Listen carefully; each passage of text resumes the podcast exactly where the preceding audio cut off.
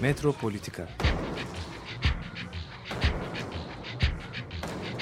Kent ve kentlilik üzerine tartışmalar. Ben oraya gittiğim zaman balık balık balık balık tutabiliyordum mesela.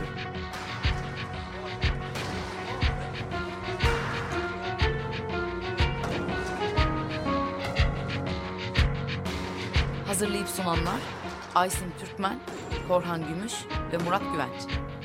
Takusuyor ki. kolay kolay boşaltamadılar. Yani elektrikçiler terk etmedi Perşembe Pazarı.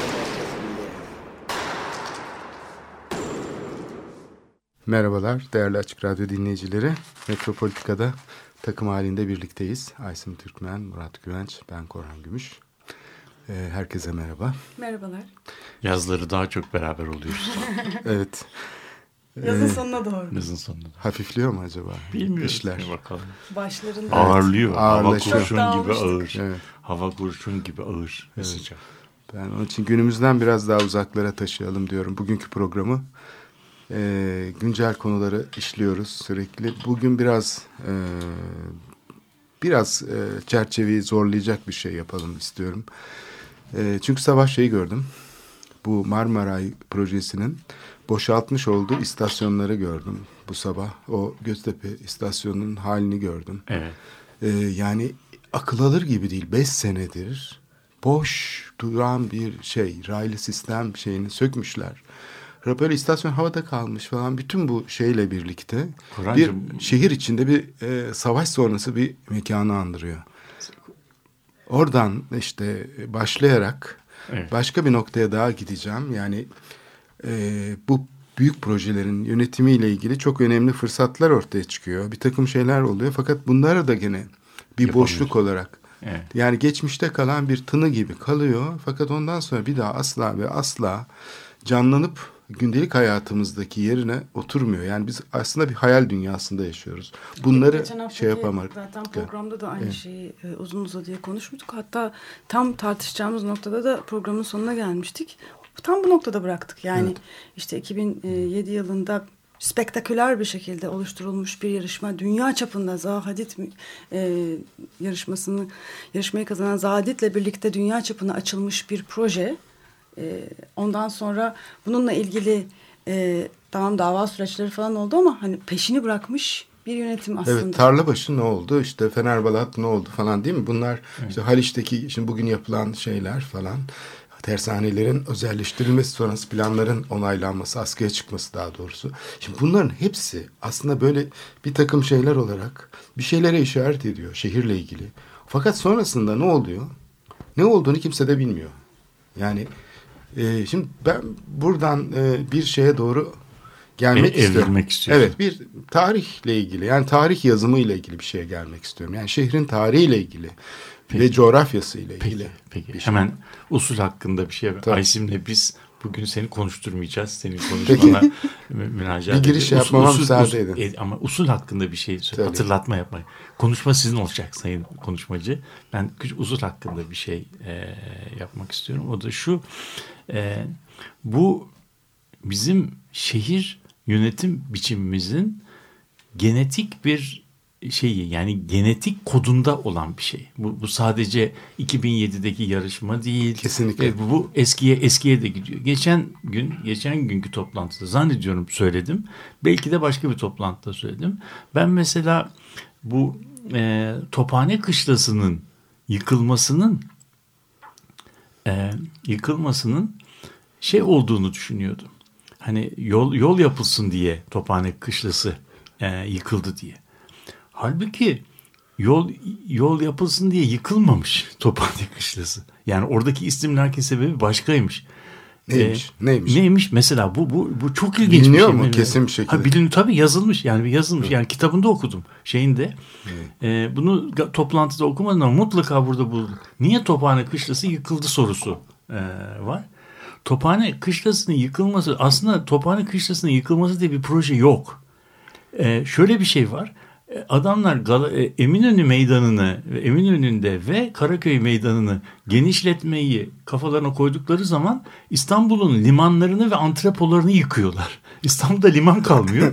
Şimdi Limanı nereye yapabiliriz diye gözleri kışla olduğu yere yaparız diyor. O zaman o problemi çözmek için kışla yıkıyorlar. Yani biz mesela şimdi tarih yazımında şöyle yapıyoruz.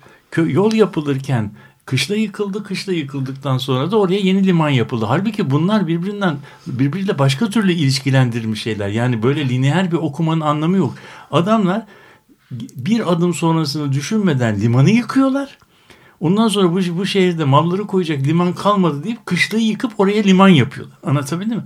Yani bu şimdi senin hemen Göztepe şeyine buradan gelebiliriz. Yani bu bizim genetik kodumuzda olan var. Bir adım bir adım ötesini düşünmeden eylemi planlamadan iş yapıyoruz. Yani şeydeki Marmara yapılacak diye banliyö trenlerini kaldırıyoruz. Harayları sokuyoruz, söküyoruz. Ondan sonra iş beş buçuk sene gecikiyor. İnsanlar orada bir tarla e, var. Yani beş buçuk senede orada günde 150 bin kişi taşınıyor ise kaç milyon, kaç milyar kişi taşınabilirdi? O soruyu sormuyor kimse yani. Anladın mı? Burada susayım. Bu eş zamanlı bir bakışla e, sahne de- değişiyor fakat arada bir süreklilik yok. Mesela Karaköy Camisi'nden örnek verebiliriz. Karaköy Camisi niçin yıkıldı? Şimdi kitaplara Yol- yol bakarsanız yapılsın diye. Ha, şimdi yol yapılsın diye. Yol oradan geçmiyor ki. Meydan orada şey değil. E, başka bir kaynakta e, buranın alt geçit yapılsın diye yıkıldığı yazıyor. Oysa ki alt geçit Haşim Üçcan zamanında sonradan yapıldı. Sonradan yapıldı. Şimdi alt geçit projesi yoktu yani. Böyle komiklik yani dünyanın neresinde olur? K- cami yıktığını işte e, Söktüğü söyleniyor. söküldüğü söyleyelim. Söküldüğü zaman ki ben geçen hafta gittim Kınalıada Camisi'nin avlusunda taşlarını orada fotoğrafladım.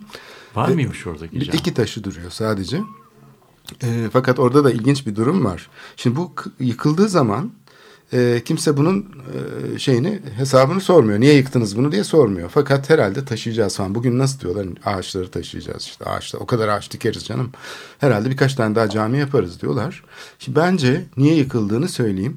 Bu çok e, biliyorsun tam böyle Galata Köprüsü'nün aksında e, bu Kara Mustafa Paşa Camii, Merzifonlu Kara Mustafa Paşa Camii aslında daha önce inşa edilmiş bir şey olması gerekir. Aslında Raimondo Daronca tarafından inşa edilen bir cami. Evet, 1906'larda, 7'lerde. Çok- Yeni çok modern yeni bir bir cami. cami, çok yeni. Bu caminin altında dükkan var, şey var. İşte böyle ilginç bir taşıyıcı sistemi var, minaresi e, bir il- il- ilginçlik Ah, taşıyor. ahşap yapıları var değil mi? Bazı Evet, yerleri ahşap. çok e, ilginç bir konstrüktif şey var. İşte bunları zaten araştırmak için ben Kınalıada Camisi'ne gittim. Orada ahşap kısmından da bir parça duruyor. E, yıkıldığı zaman bu cami e, ben e, bir gerekçe göremiyorum. Yani bugün için bir açıklaması yok. Fakat bunu söylediğin zaman işte Menderes'in cami yıkmış olduğunu bir kere kabul etmiyor insanlar. Bu yüzden saldırıya uğradım. Yani bir siyasetçi üstüme geldi.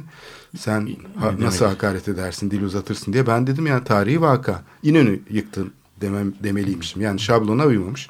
Neyse benim sempatim var Menderes'e daha fazla diyebilirim yani İnönü veya Menderes diye bir hani böyle Menderes düşmanlığı ya da İnönü düşmanlığı üzerinden okunacak bir olay değil. Tarihi bir olay bu cami. Bu 58 yılında yıkılmış. Ve bu yıkımın bir gerekçesi yok ama bugün niye yeniden yapıyorlar? Asıl mesele o. Bence bu yönetimin bir hafızası yok. Onu camiye benzemediği için yıktı yöneticiler bence. Yani bu da bir varsayım. Bugün ismi cami olduğu için de yeniden yapmaya çalışıyor. Şeydeki e, e, Rumeli Hisarı'ndaki mescitte aynı şekilde. İyi, Sahneye yapılan. Yani m, bu şeyde hani e, sürekli aynı şeyleri görüyoruz evet. Ama değişik yerlerden meşruiyet aldıklarını da görüyoruz sanırım değişik dönemlerde. Yani Me- İnönü döneminde başka bir meşruiyet alanı vardı. Menderes döneminde başka, Başka bir bir. meşruiyet alanı vardı. Şimdi de Ee, başka. Şimdi de başka bir meşruiyet alanı var. Olan gene aynı ama bu meşruiyet biçimlerinde de enteresan şeyler olduğunu da e, düşünüyorum. Yani mesela bu Kartal projesiyle ilgili hani e, geçen haftaki programdan itibaren düşünmeye başladığımda yani mesela özellikle işte, e, AK Parti politikalarında e, hani sadece Kartal da değil başka bir sürü şeyde uluslararası normları dikkate almaya çalışan ve kendi yaptığı işlerde, kanunlarda falan uluslararası normlara uygun halde sunan e, işte uluslararası yarışmada düzenliyoruz, işte uluslararası görkemi de inşa ediyoruz diyen, burayla oynayan, burayı kullanan, buradan meşruiyet alan bir şey vardı. Ve bu belki de e, hani e, bilmiyorum şehircilik tarihi içinde e, tekil bir örnekti yani bu Yok kadar canım, bu değil, kadar değil. yani bu, yani bu anlamda hani uluslararası şeylerde e, bir yandan da dünya şeyine de baktığımız zaman yani dünyada da aynı şey geçerli yani global şehir dediğimiz şey zaten e, işte 90'lardan itibaren olduğu için AK Parti döneminde de daha Ama denk gelen bir şey var. Sadece globaliteye şey yapmamak lazım. Yani Ankara başkent olduktan sonra ilk yaptıkları şey uluslararası bir yarışma yapıyorlar. Bir yarışma şartnamesi yapıyorlar. Uluslararası en ünlü Yok, insanları anlamda gel yani şey demiyorum. Ankara'nın planını herhangi birisine yaptırmıyorlar. Keza Ama- İstanbul'a Prost'un getirilmesi de e, her, Prost herhangi birisi değil. Yani o bakımdan daha önceki mesela Ankara'da 1950'li yıllara geçelim. Sadece Cumhuriyet'ten örnek vermeyelim. E, Menderes dön- döneminde Ankara'nın ilk e, yani ikinci planı, Yansen planından sonraki ilk ikinci planı Mimarlar Odası'nın e, gözetiminde ve Sir Patrick Abercrombie'nin jüri olduğu bir planla yapılıyor. Sir Patrick Abercrombie de Londra planının müellifi. Yani söylemek istediğim bizim şey Şey administras ad- administrasyonumuz yerine geldiği zaman uluslararası şeyi seferber etmeyi pek iyi bilir. Yani bu Zahadit de onun da bir parçası. Yani o bakım ona itirazım yok da tek tekil örnek değil. Yani başka örnekler verilebilir. Yok yani. ben Zaadet'in tekil örnek olduğunu söylemiyorum. AK Parti'nin e, genel olarak e, Yaklaşımında- yaklaşımında mesela Avrupa Kültür Başkenti'ni buraya getirmesi ve bunu yani e, bu, bu projeye mesela çok sıkı sarılmış olması. Kentsel dönüşüm projelerinde de dikkat edersen e, tanınmış Türkiye'nin tanınmış mimarlarına iş vermeye çalıştı. Yani hiçbir zaman gidip de bizim partiden hani geçmişte e, işte şey yaparken bazı projeleri yaparken işte yandaş işte bilmem ne falan diye bakılıyordu. Şirketleri tamam öyle seçiyorlar Ve da. uluslararası e, çapta ün yapmış, hani başarı göstermiş e, Peki sen bunu sistematik olduğunu mu düşünüyorsun? Ben bunun çok dö- döneme göre değiştiğini görüyorum. Bazen Avrupa Birliği standartları bir argüman oluyor. Bazen de olmuyor. Ya Bazı bir taviz gibi görmek Hayır bazı lazım. yerine göre bazı yerlerde Avrupa Birliği standartları çok bağlayıcı oluyor. Burada katılıyorum. Ama ya ben- bazen de pardon, hiç bağlayıcı bazen olmuyor. dediğiniz yani Bazı bu iktidar olay- döneminde. Bazı, ha, evet, Bu bazı, iktidar bazı döneminde. yani bazı yerlerde Avrupa Birliği e, mesela Avrupa Birliği'nin e, Avrupa Birliği'nin efendim senin söylediğin gibi e, tasarımla ilgili e, yani tasarım e, tas- yani uluslararası ünlü bir tasarlayıcının e, tasarlamasına verilmesi konusunda evet o 2007 yılında böyle bir şeyleri oldu. Ama Şimdi Korhan'a söyleyelim. İşin e, işin tasarlanma ve iş verme düzeyi Avrupa düzeni Avrupa Birliği standartlarına uygun mu? Kesinlikle değil. Çünkü burada çok fragmante bir yapıyla karşı karşıyayız. Yani bir yerde, bir noktada mesela Yeni Kapı projesinin yapılmışken iptal edilip yani bizim zorumuzla birkaç kişinin zorlamasıyla mesela iptal etti. Ulaştırma Bakanı sonunda o projeyi iptal etti. Büyükşehir Belediyesi kabul etti değil mi? Yeni Kapı için hazırlanmış koskoca bir proje vardı. Orada sergileniyordu. 2007 yılında bir AVM projesi vardı. Yeni Kapı'da böyle çatısı dalga dalga yapılmış. Ve o projeyi birkaç kişi zorladı diye iptal etti yönetim. Yani bu kadar da O, geçen zaman, o zaman çok daha duyarlıydılar ama. 2007, 2008, 2009 falan o tarihler. Bak şimdi bir, birdenbire ondan sonra ne oldu? Çok enteresan bir ikircikli e, şey çıktı. Mesela o dolgu alanı yarışma jürisinden ve yarışmacılardan gizlendi. Gizlendi. Evet. Bir ada var. Birisi Hani- oraya ada yaptı. Ya- yaramaz bir çocuk gibi davrandı yönetim.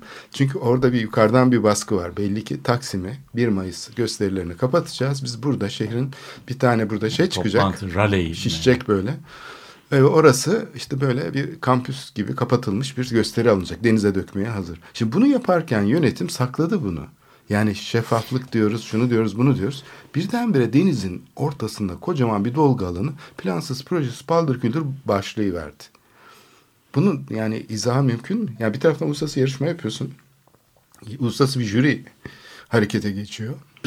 Ve yarışma şartnamesi hazırlıyorsun. Bunu dünyaya ilan ediyorsun. Sonra yarışma şartnamesinde olmayan bir uygulamayı kendin yapıyorsun. Yani hem yasayı kendin yapıyorsun hem de yasayı kendin çiğniyorsun gibi. Yönetimin aslında böyle bir özelliği var. Yani bu yönetimin sol eliyle sağ eli gibi iki eli farklı çalışıyor. Bir tanesi kendi kural koyuyor. O kuralları sana dayatıyor. Ondan sonra kuralları en kolay kendisi çiğniyor.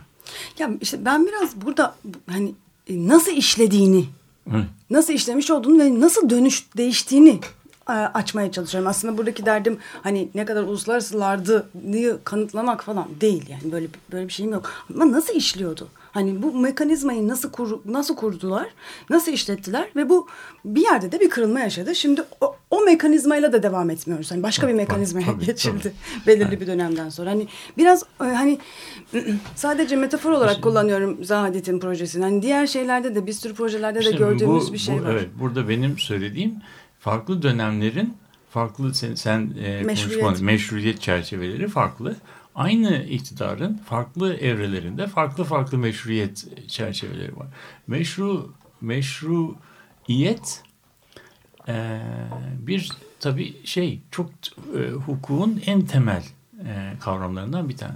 Bir de meşruiyet kavramının yanında bir de meşrulaştırma, legitimizing, bir de meşrulaştırma. İkisi çok Bir- farklı. Farklı şey. Yani bir tanesinde bir tanesinde e, ben- ben böyle bir şey yaparım, yaptığım şey meşru mudur? Yani bu hak mıdır? Yani buradaki hukuk, e, hukuk kısmı. Hukuk kısmı yani hukukun ruhuna, yasaların ruhuna uygun mudur? Meşrulaştırmak ise yasa yasaya uydurmak, kılıfına uydurmak demek. Kılıfına uydurmak ise zamanın ve zeminin ortamına göre burada kullandığımız argümanlar değişebiliyor.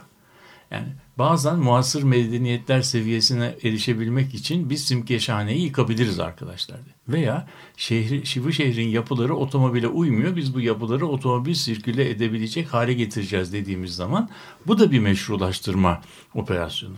Bu şehirdeki sokaklar eğri büğrü. Eğri büğrü olmamız bizim gündelik yaşamımızı eğri büğrü yapıyor ki o dönemin şeyleri. E, bunu ben e, o Boysan arkadaşımın dan ifade olarak şey yapayım. Aydın Boysan'ın e, Burak Boysan. Burak Boysan'ın bir şeyidir, keşfidir.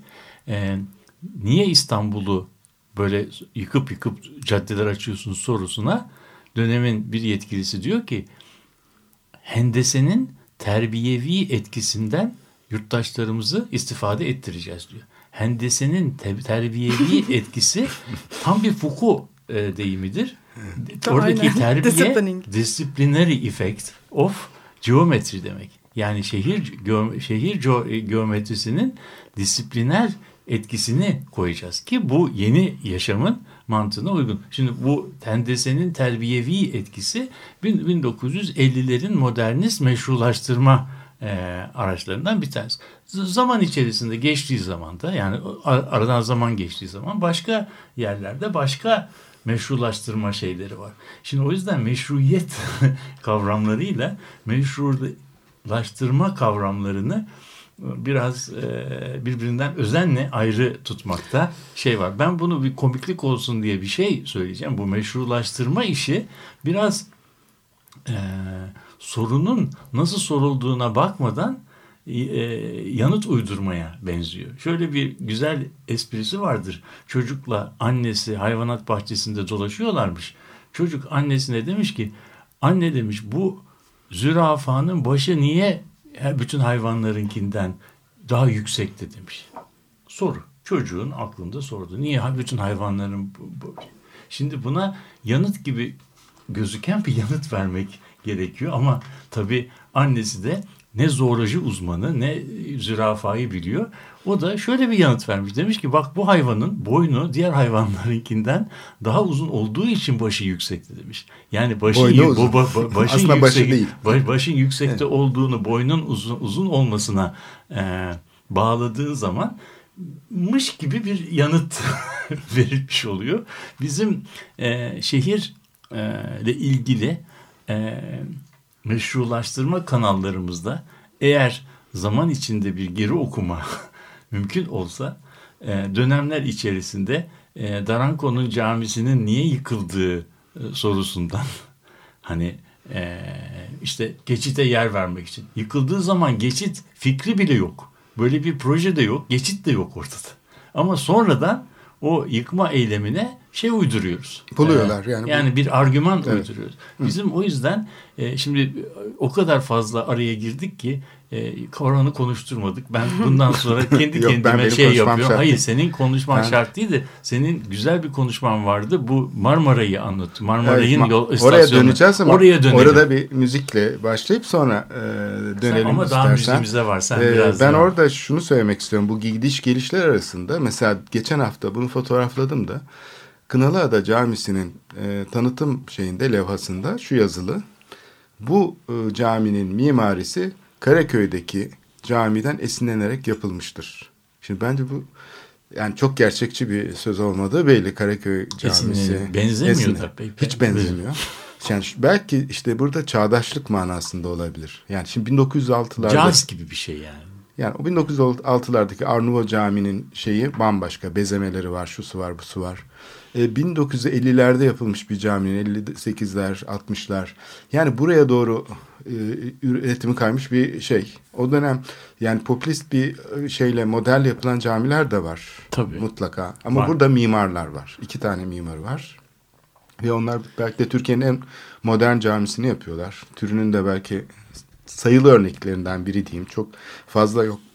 Bir iki tane daha bir var. iki tane daha var ama bu çok dikkat çekici. Kınalıada sahilinde. Ee, tam da e, şeye iskeleye yakın yani herkesin Görebileceği. gördüğü, görebileceği bir örnek bir prizmatik çatı ve hiç şerefesi olmayan böyle dimdik bir e, minaresi var Be- belki hatırlarsınız. Şimdi bu Kınalıada Camisi'nin e, Karaköy Camisi'nden esinlenerek yapılmadığı çok açık. Fakat arada şöyle bir şey olmuş. Gene senin söylediğine referans vereceğim. Şimdi bu taşlarla bu camiyi yapmaya çalışacaklardı büyük ihtimalle. Fırtına mı koptu ne oldu? Denizde dolgu olmuş o taşlar, dökülmüş. Yani götürmüşler ama becerememişler. Yani Raimondo Daronco'nun yapmış olduğu muhteşem şey eseri. Mermer olduğu için Numaraları parça- karışmış peki. Sökmüşler. Aynı o şeyler gibi, çeşmeler falan gibi. Yani onları aslında başka yerlere dikecekler. Ee, ne de olsa bir prefabrik malzeme gibi yani var olan bir inşaatı söküyorsun ve başka yere taşıyacaksın. Bu gerekçeyle yani orada Karaköy'de olmasın da hani biraz gözümüzden uzak olsun. Biraz da işte hani pek de fazla Müslümanların olmadığı bir yerde Adalar ilçesinin falanca şeyinde dursun diye bu Karaköy camisi gibi anıt yapıyı sökmüşler. Gemiyle götürürken ya e, bilinçli olarak yaptılar e, ya taşıyamadılar. Çünkü orada iskele koşulları falan şey değil. E, birçoğu denize gitmiş taşların. İşte iki tanesi de gelmiş şeyin e, bu sözünü ettiğim plaketin altına konmuş. O plakette e, cami yaptırma derneği şey diyor bunu e, Karaköy camisinden esinlenerek yapıldı. Ama bu doğru değil. Yani bir taraftan bir süreklilik var. Oraya o cami aslında Karaköy'den gelecekti. Ama gelemedi. İki tane taşını koyduk buraya. Ama yeni bir cami yapıldı ki o da bayağı ilginç, iddialı bir tavır aslında. Bir cami için böyle bir modernist bir yaklaşımla e, pek kabul ettirmek yani bugün mümkün olacağını pek düşünmüyorum. O tarihlerde bu mümkün olmuş. Yani e, demişler ki madem adalara yapıyoruz o zaman biraz oraya uygun olsun demiş de olabilirler. Prizmatik bir cami yapmışlar. Gayet yalın bir cami. Fakat ilginç olan bir şey daha var. Oradaki işte e, o dönemi yaşamış olan insanlarla ben konuştum. E, gece bir soygun olayı yaşanıyor. Camiden işte demirleri bir şeyleri çalmak için denizden bir şey geliyor. E, soygun çetesi geliyor. Tam yükleyip gece yarısı götürürlerken yakalanıyorlar, enseleniyorlar. E, tabii halk yakaladığı için biraz kolay da olmuyor bu iş. Biraz hırpalanmaya başlıyorlar falan. Neyse polis geliyor falan. Bunlar e, soygun çetesi e, yakalanmış oluyor. Bunların savunması da şu. Vallahi diyorlar cami olsaydık, cami olduğunu bilseydik soymazdık. Cami olduğunu bilseydik hiç soyar mıydık? Biz bunu bir şey vatandaşın, Depo, depo var. gayrimüslim vatandaşın yaptırdığı villa zannettik, yalı zannettik. Onun için soyduk diye savunma yapıyorlar. Şimdi hangisini İk- ele İkona benzemiyor. İkonografiye aykırı bir yapı. Bu da bir meşrulaştırma tabii. Şimdi burada biraz şey var, e, ayrımcılık var değil mi? Bir yaba, Tabii. şey olursa gayrimüslim vatandaş olursa soymak mübah yani. e, Şey, soyulabilir. Yani. Soyulabilir. O Yani zaten. hafifletici bir sebeptir. Yani. Evet. Cami soymak e, tabii çok ayıp bir şey. Çok günah yani. Ya. O, onu bilmiyorlarmış. E, dolayısıyla bir mimarlık eleştirisi var. Cami camiye benzemiyordu. Onun için soymaya kalktık diyorlar. İstersen bu şeyi burada noktalayarak e, şeye doğru geçelim. Konumuza doğru. İlk önce müzik dinleyerek başlıyoruz. Evet, müziğe başlayalım. E, ne alakası var diyeceksiniz.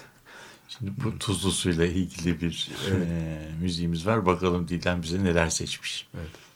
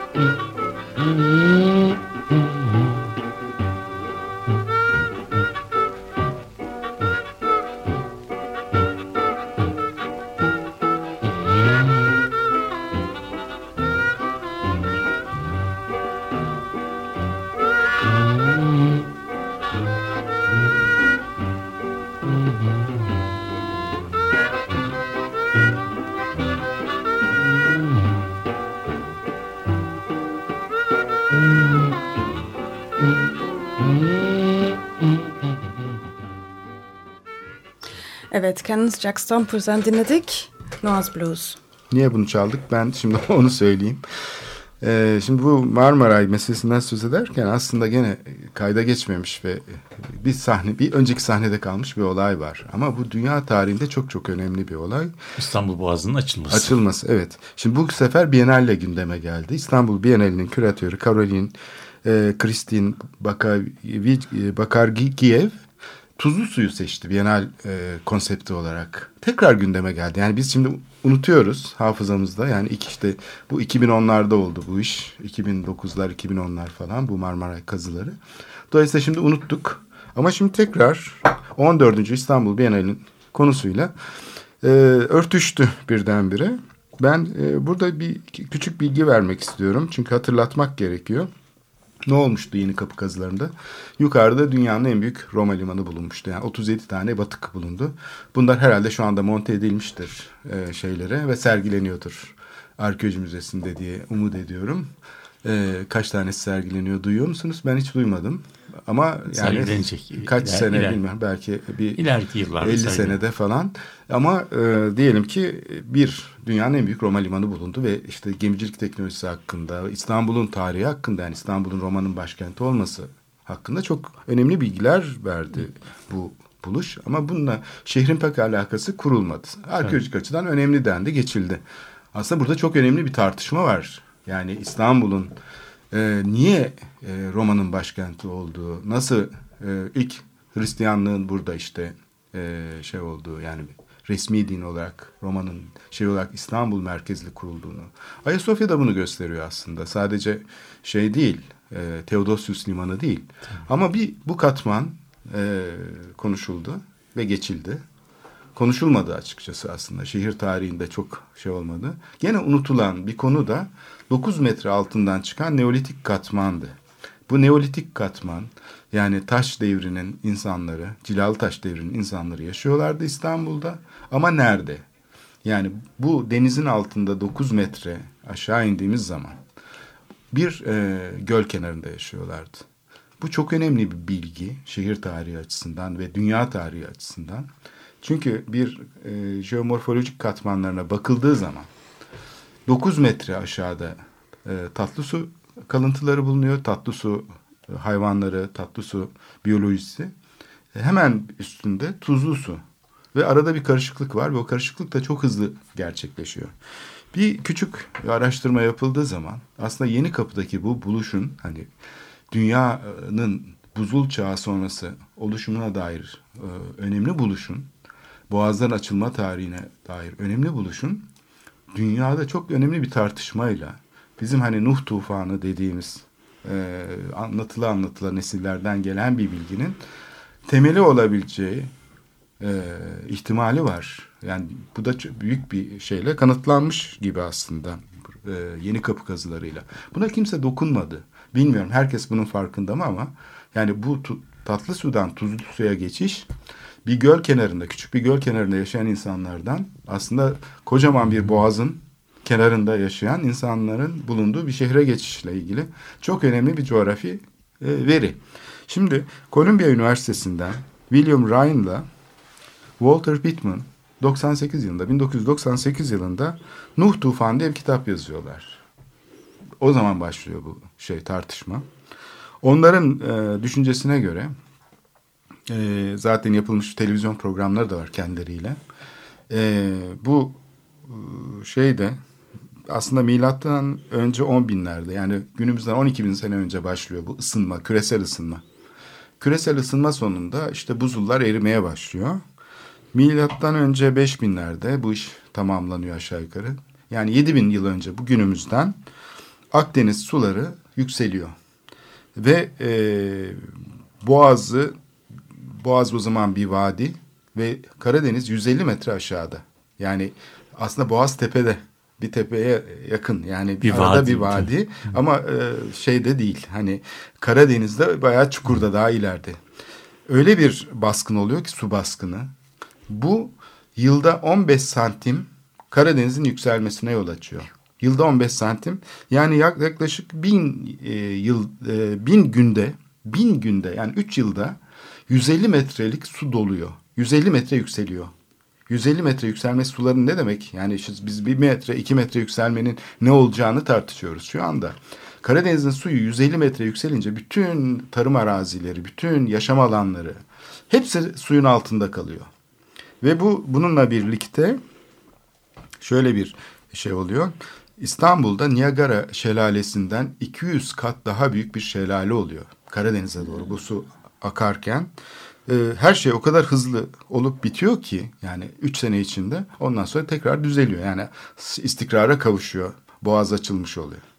Şimdi bu kadar hızlı bir değişim yaşandığı şey işte Nuh Tufan diye anlatılan şey bu olabilir e, diyor bu Ryan ve Pittman. Bu küresel ısınma sonucu oluşan şeyi İstanbul'da yer olan değişikliği Nuh Tufanı olarak adlandırıyorlar. Şimdi biz bu tarihi bilgiyi aslında yeni kapı kazılarında bayağı bir ulaşım projesi yaparken birdenbire dünyanın çok önemli şeylerinden birini keşfettik. Peki bunu biz basında okumamış mıydık? Ben o şeyi hatırlıyorum. Ee, Robert Ballard gelmişti, dalışlar yapmıştı ve Karadeniz'in dibinden şeyler çıkarmıştı. Hani tatlı su dönemine ait kalıntılar yani sadece yeni kapı kazıları değil aslında Karadeniz'de yapılan çalışmalar da bunu kanıtlamıştı. Şimdi bunun aslında ilgili bununla ilgili çok önemli bir şeyi aslında bu e, Biennale'de tekrar gündeme gelmiş oldu. Çünkü tuzlu su oluşumuyla birlikte artık tatlı su kıyısında yaşayan e, bir yerleşme tipinden ve ona uygun tarımsal teknikler ve işte idare yönetim biçimlerinden koskoca bir imparatorluğa ve şeye dönüşen tabi binlerce yılda bir insanlık tarihinden söz ediyoruz. İstanbul açısından yani bu tuzlu su meselesinin yaşamsal bir şeyi var. Çok önemli bir değişiklik yaratıyor. Bu değişikliği de belgeleyen şeylerden biri. Eğer Yeni Kapı'daki kazıdan küçük bir tranş alınsaydı mesela bir toprak kesiti ve orada iki tane kabuk gösterilseydi bakın bu tatlı su şu üstte hemen yukarıda birkaç santim yukarıda gördüğünüz tuzlu su şu aradaki gerçekleşen karışıklık da işte o bin güne işaret ediyor Nuh tufanının olduğu tarihlere sanki bir şeydeki gibi hani bir bilgisayar hard diskindeki kayıtlardaki gibi aslında jeomorfolojisinde şehrin katmanlarında bu bilgi e, gayet açık bir şekilde gözüküyor. Dolayısıyla bunun mesela e, bu Biennale'de gündeme gelmiş olması hani tuzlu su konseptinin ben çok önemli olduğunu düşünüyorum. Hani şehrin kuruluşuyla alakası var. Ee, sonra modernleşme süreciyle de çok alakalı. Yani dünya şehirleriyle birleşmesi, e, bunlar arasındaki ilişkiler, başkent olmasıyla çok alakası var. Ee, sen bu akıntılara Murat değinmiştin. Hani hem korunaklı hale getiren hem şey. Mesela bu akıntılar da tamamen bu nedenle. Yani bu e, Nuh tufanı sonrası oluşan denge. De, dengeyle tabii. Dengeyle çok Den, alakalı. Tabii dengeyle çok alakalı. Şimdi burada e, burada bu İstanbul'da ne kadar ince, ne kadar kırılgan bir denge üzerine e, kurul, kurulduğunu anlamak lazım. Bu tuzlu su, tatlı su meseleleri de tabii çok önemli. E, şehrin tarihi de biraz bütün bu buna bağlı. E, şimdi şöyle düşünmemiz gerekiyor. E, Karadeniz'le Marmara arasında aşağı yukarı e, 35-40 santime yakın bir kod farkı var bu dolma e, nedeniyle. E, bu kod farkını yaratan şeylerin başında da Karadeniz'e Tuna Nehri gibi bir nehrin, Dinyeper, Dinyester gibi bir nehrin gelmesi ve bütün Kafkasların sularının Karadeniz'e direni olmasıyla ilgili bir şey var. Su seviyesi Karadeniz'de Marmara'dan daha e, yüksek ve bu suyun boşalabildiği tek yer var. O da İstanbul Boğazı'ndan e, aşağıya doğru gidiyor ve bu yüzden de Karadeniz'in suyu şeyin gelen çok miktardaki tatlı su nedeniyle Marmara'dan ve şeyden e, Akdeniz'deki sudan çok daha yüksek bir şey e, çok daha düşük bir tuz oranına sahip. Evet, özgür ağırlığı farklı. Özgür, özgür ağırlığı farklı. Evet. Yani tuzlu sudan daha hafif.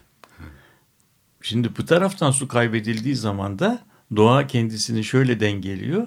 Şeyin ise içerisinde de e, Marmara'nın ve Karadeniz'in şey suları ise e, tuzlu suları ise yukarıdan tatlı su e, şeye akarken Akdeniz'e doğru akarken evet.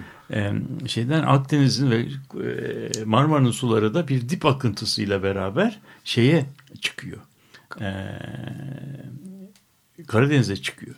Ve orada 5000 kilometrelik bir alana yayılıyor. Sonra su tuz oranları dengeleniyor bu suyun. O su seyrelmiş oluyor. Tuz oranı seyrelmiş oluyor. O su da e, diğer sulara katılarak geri geliyor. Şimdi bu o kadar e, o kadar incelikli bir sistem ki eski denizciler bu dip akıntısını gemileri yukarıya çıkarmak için bir araç olarak kullanırlarmış. Gemilerin iki tarafından denizin altına plakalar indirirlermiş. Aa, çok ilginç bir şey. Evet.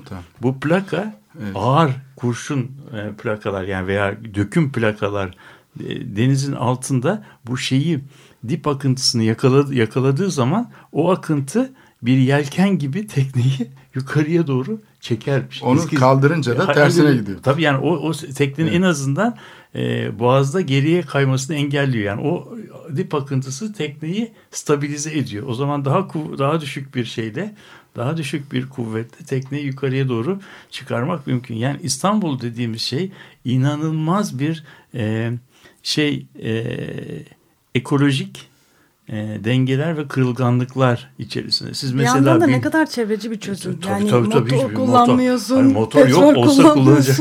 olsa kullanırlardı ama yani. Hala kullanılabilecek tabii, bir tabii, tabii, yani tabii, hala, hala var akıntı. Tabii. Elektrik hala, de üretilebilir. Tabii yani şimdi bu e, mesela şeyler e, bizim e, tarih yazımı, şehir tarihi yazımında okunduğu zaman mesela Poyraz havalarda şeyin e, Karadeniz ile Marmara arasındaki su e, bu yüzey farkı artıyor. Karadeniz'in suları tıpkı bir vantilatörle püskürtülmüş su gibi Marmara Boğazı'na yığılıyor ve suda şey olduğu için Poyraz havalarda su çok daha hızlı ak- akıyor.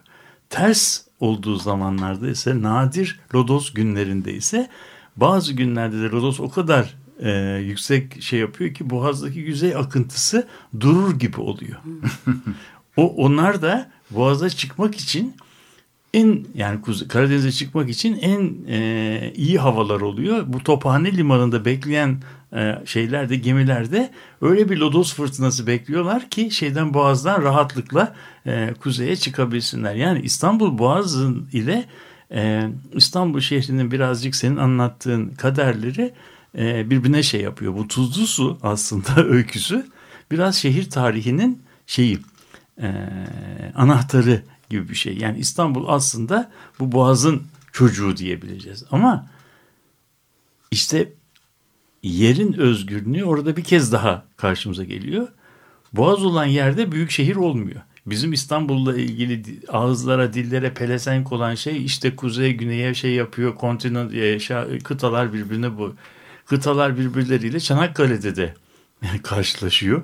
Çanakkale'de de kuzeyden kuzeye, doğudan batıya yollar şey yapılıyor. Orada da karşıdan karşıya geçmek mümkün. Ama orada İstanbul yok. Niye yok? Çünkü orada bu Liman. kanallar açılırken onların e, Haliç yok. Evet. İstanbul'un olabilmesi için hem Boğaz'daki bir vadinin olması hem de Haliç gibi bir dünya şaheseri limanın e, doğal limanların en güzelinin olması lazım. Haliç'te hiçbir geminin bir fırtınadan battığı e, mümkün şey tarih yazmamış. Dünyalar yıkılsa Haliç'te hiçbir şey olduğu yok. Bu kadar dünyada bu kadar derin, bu kadar şehirle iç içe, bu kadar e, şehirle bütünleşmiş bir liman dünyanın hiçbir yerinde yok. Demek ki bir de Haliç'imiz var yani. Üçüncüsü Peki bu Romalılar niye bu şehri kurmuşlar da başka yere kurmamışlar? İstanbul'un yeri aslında Boğaz açısından son derece şey, e, iyi bir yer. Fakat bu tuzlu su öyküsünün bir de tersi var. Tuzlu su bu kadar bol olunca İstanbul'da tatlı su kalmış. evet. İstanbul'un derdi tuzlu su. İstanbul'da tuzlu sudan bol bir şey yok. İstanbul'da su yok. Ee, onun için tarihi boyunca İstanbul'un aslında suyunu sağlamak lazım. Ve İstanbul aslında bir tuzlu sunun yarattığı bir çocuk ama deliler gibi tatlı su arayan bir yer. Ve çevresinde ee, hep sömüren. Etrafında yani işte 50 kilometre 70 kilometre ötesindeki su kaynaklarını çevirip kendine getirip işte sarnıçlar yapıp burada şey aslında yani Fransız coğrafyacılara şey yaparsan antik dönemde şehrin olmaması gereken bir yer burası. Çünkü bizim ekolojik yani hayır ya, yani bir kaza ama bu kaza bir tahrik sonucu oluyor. Çünkü bu boğazın kenarında oturmak o kadar cazip bir şey ki ticari ve askeri yönden. Niye olduğunu da anlatacağım. Ee, burada şehir kurmak için mükemmel bir yer. Ama suyu yok bütün etrafındaki yerlerde yani bizim bulunduğumuz coğrafyada Atina'da, e, Selanik'te, Balkan şehirlerinde, Belgrad'da, Manastır'da, bütün Balkanlarda şehirler Avrupa'nın tersine nehir kenarında kurulu değil. Çünkü nehir yok bu bölgede. Onun için şehirler dağın kenarında olması lazım. Bir, yani Bursa gibi olması lazım. Manisa gibi olması lazım. İzmir gibi olması lazım. Ankara gibi olması lazım. Dağın Beyrut gibi olması lazım. Burada dağ var. Dağın kendisi bir su deposu gibi çalışıyor.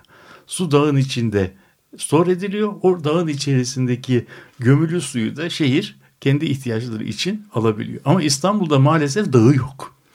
Dağı olmadığı için de bir su problemi var. O suyu da bir yerlerden e, getirmek gerekiyor. Yani İstanbul'a. Peki niye burada böyle bu şehir var dediğimiz zaman senin bu tuzlu su tatlı su meselesinin içerisinde İstanbul'un kurulduğu tarih Roma İmparatorluğu'nun artık kendi özgür ağırlığını e, yönetemez derecede büyük olduğu bir döneme rastlıyor ve İstanbul aslında Doğu Roma İmparatorluğu'nun başkenti olarak kuruluyor.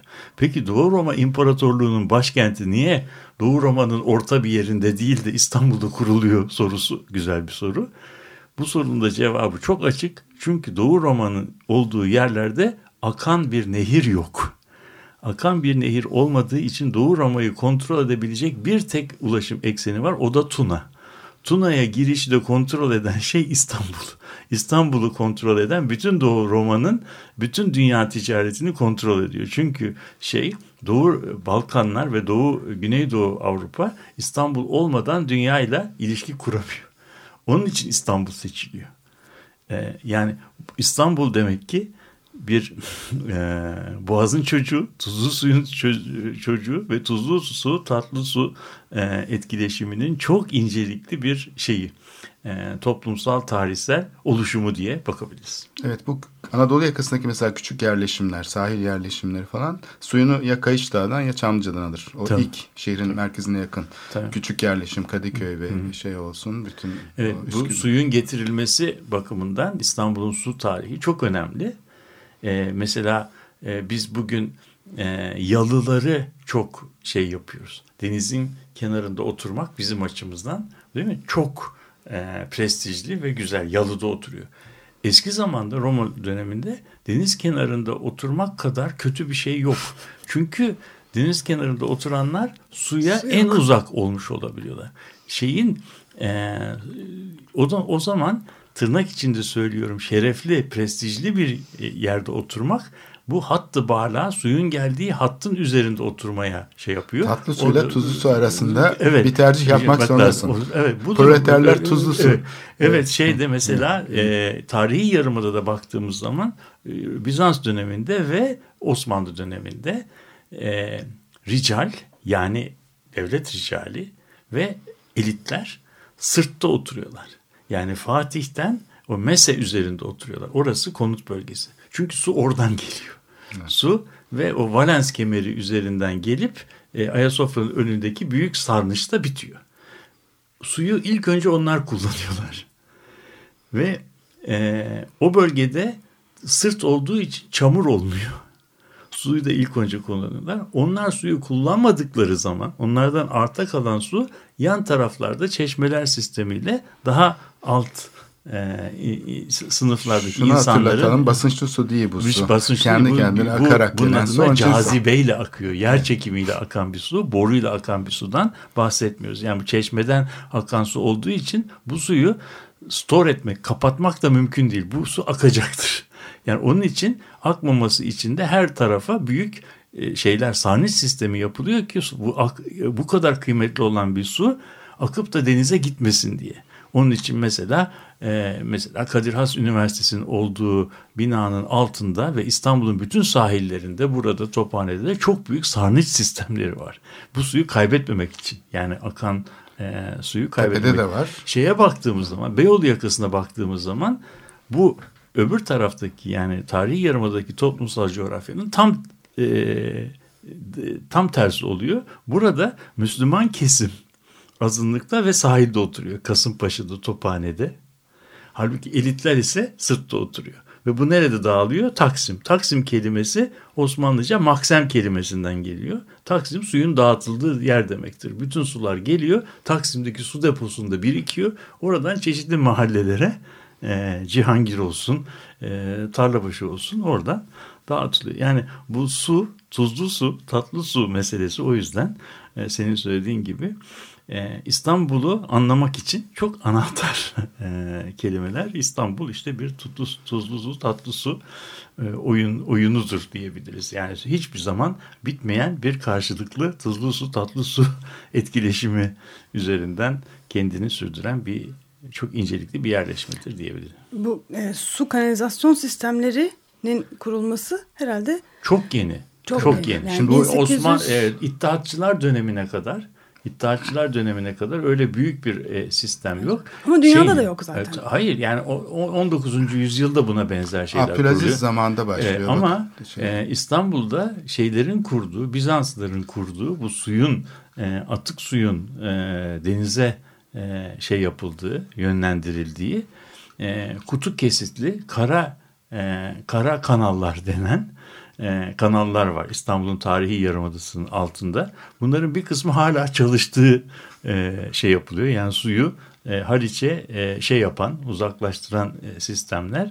İki tane L tipi şeyin, iki tane L tipi künkün birbiriyle birleştirilerek elde edilmiş şeyler bunlar, sistemler. İstanbul'un su master planında 70 yılında bunların kesitlerini bulmuşlar tarihi yadımın altında bir kısmını hala da çalıştığını gösteriyorlar. Evet şimdi tabii burada şöyle bir şey var. Ee, şehrin büyük bir bölümünde e, bu su kendi kendine gelen akan su diyelim eğimle gelen suyun e, kişi başına düşen miktar eşit değildi. Tabii. Büyük bir eşitsizlik vardı. Tabii. Ama ortalamaya vurulursa Nüfus bu kadar az olmasına rağmen yani 10 litreleri geçmiyor. Tabii. Kişi başına su tüketimi. Yani kuyudan çekilen su gidip e, mahalle çeşmesinden e, işte kırbalara doldurulup eve taşınan su olsun. Bunda ne kadar artış olsa bile bazı hamiyetperver kişilerin, padişahların Çeşmeler çeşmeler 15-17 litreyi geçmiyor. geçmiyor.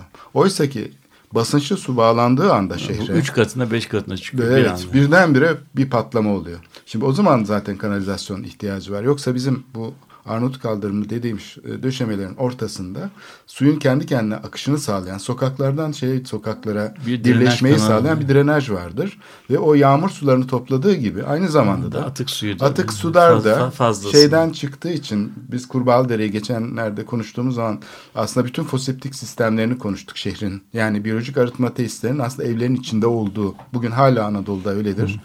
Bir arıtma sistemi vardır. Bunun içine asitler ve deterjanlar konmadığı sürece bu Doğa sistem kendi mükemmel kendini- çalışır. doğa yani tam kendi- içilebilir su kalitesinde şeye çevirir o atık suları. Ne kadar pis olsalar da. Bunu yapan bir sistemden sonra artık ya, ya arazi sulanır, kıymetlidir çünkü tatlı su çok kıymetlidir. Yani Çamlıca Tepesi'nde hazır tatlı suyu bulmuşsun. Bunu atıp e, denize atmanın hiçbir anlamı yok. Oradaki bahçeyi sularsın. Karpuz yetiştirirsin, şu, işte domates yetiştirirsin. Bunlar su ister çünkü. O yüzden bütün evlerde, bütün o köşklerde, o zengin köşklerinde dahi Kuyular. atık sular kullanılırdı. Yani su ikinci defa, üçüncü defa kullanılırdı.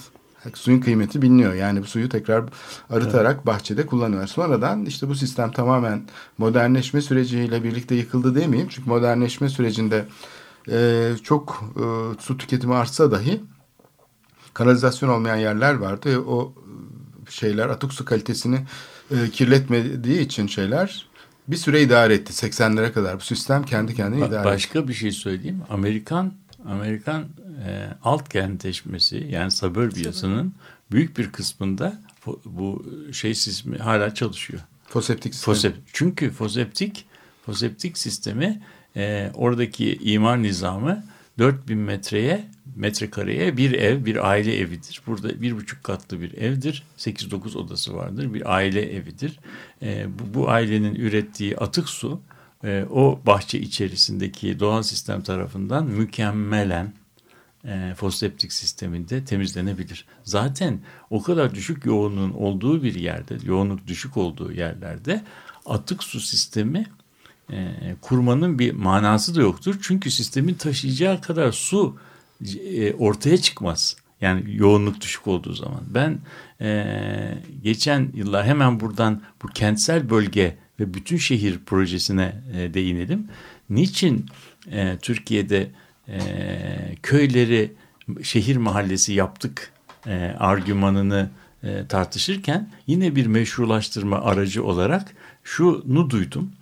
E, denildi ki efendim e, şehirlerde altyapı var köylerde yok. Böyle biz köyleri mahalle yaparsak e, köylerde de e, kanalizasyon sistemi kurabiliriz.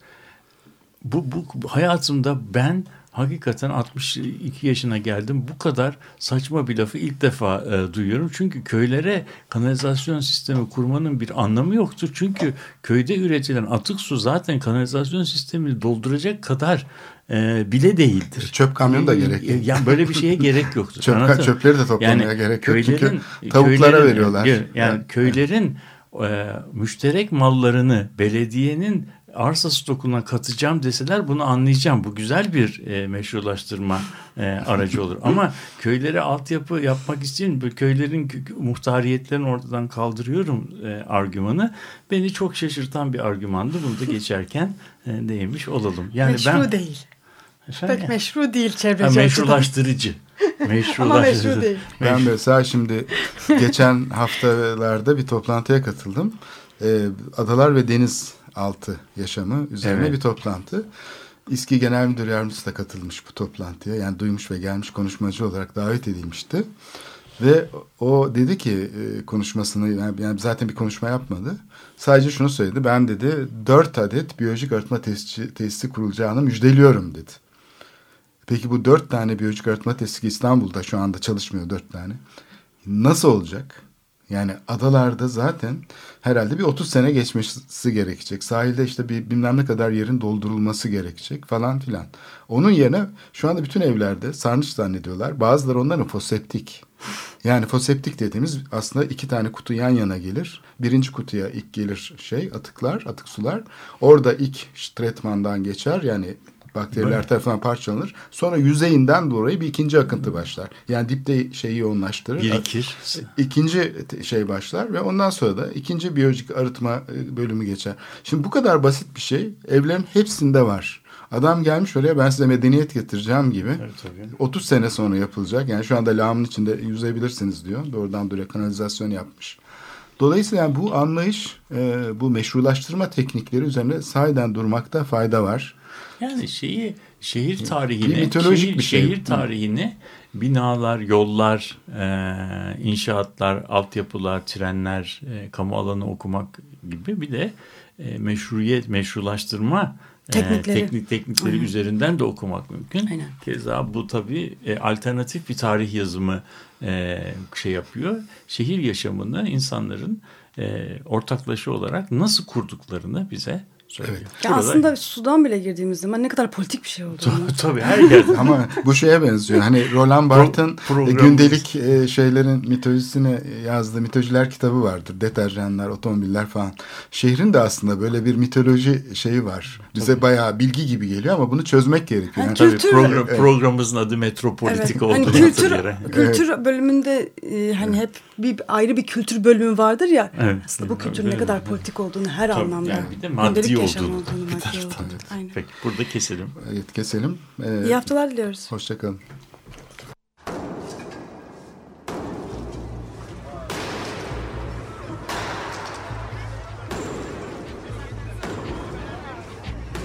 Metropolitika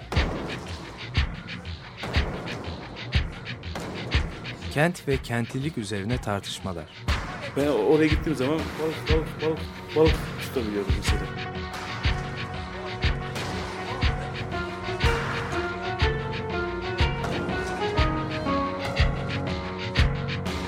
Hazırlayıp sunanlar Aysin Türkmen, Korhan Gümüş ve Murat Güvenç. Takusuyor ki. Kolay kolay boşaltamadılar. Yani elektrikçiler terk etmedi Perşembe Pazarı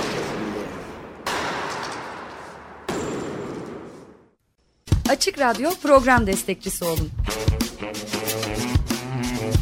Bir veya daha fazla programa destek olmak için 212 alan koduyla 343 41 41